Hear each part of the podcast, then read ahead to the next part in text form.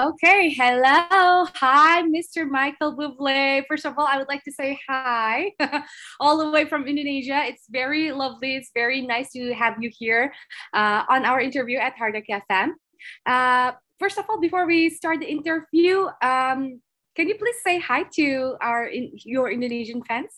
Hi, all you beautiful people. You know, I'll never use the word fan, huh? Never. Because okay, I, what no, would you I call say, I only said it because I think fan is short for fanatical. There's no way that those are fanatical people. Those are my family. And even though we might not know each other, True. they have brought me more joy than I could ever bring them. So I will say hello, you beautiful souls. I love you so much. And uh, oh. if it's our first time meeting, I can't wait to come and meet you and show you how much I appreciate you.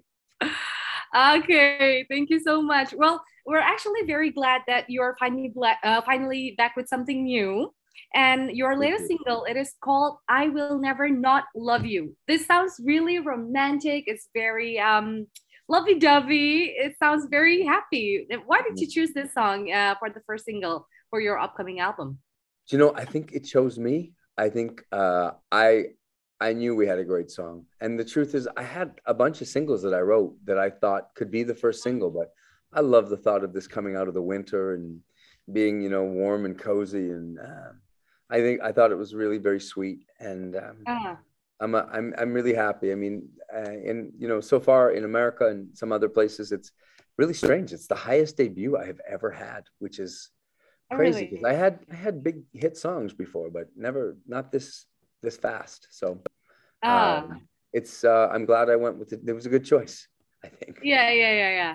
Well, uh, could you share to us, two hard rockers, the stories behind this song? Because um, it's it sounds a bit personal. Is it is it really personal to you, or what what does it say? What does this song means to you? No, I think you know. I feel like there's always personal parts, but I mean, we've all been in we've all been in relationships and we've all been hurt, and sometimes it gets scary, and sometimes you feel vulnerable, and um, this song is basically just trying for a hopeful outlook for love and mm. hoping that you know you tell the story of someone who who's scared to fall in love again who's who doesn't want to be hurt again and and that's what it's about. It's about trust and can you trust me? Can you can you give me a chance to show you that if you if you let me in that i won't disappoint you and i won't hurt you? And i felt like it was a really nice hopeful look. Honestly it felt to me really like the sequel to haven't met you yet it did it felt like ah i see so it's like yeah yeah, yeah. it connects somehow Yes. But I think I think the song would be really relatable to I don't know all of us because we've like you said we've all been hurt before. We need that second chances and all. Yeah, okay. and I, I love so much about it. I love the the melody uh-huh. so much, and I love the groove. I love the bing dong ding ding ding. I just love how it moves. It feels really good. It feels good to move to yeah true true true.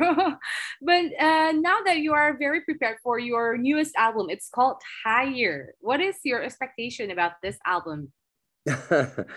Um my i my expectation um i i think it's the best record i've ever made. I think i right. uh, felt really fortunate about the people i worked with and they all just stepped up and helped me to uh, to make, I think, the most textured, deep, beautiful uh, music of my life. And uh, I expect this is going to be a, uh, an interesting ride. I think I'm about to go on a.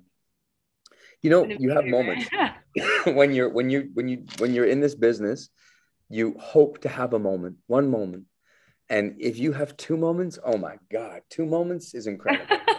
but if you get third, and this would be my third, if uh-huh. I get that third moment, yeah, it'll be yeah. That's the dream. Yeah, I just want to enjoy myself and try to try to really um just really be in the moment, enjoy it with my my wife and my kids and uh, ah, try to have a time for us to all really have fun together, enjoying it.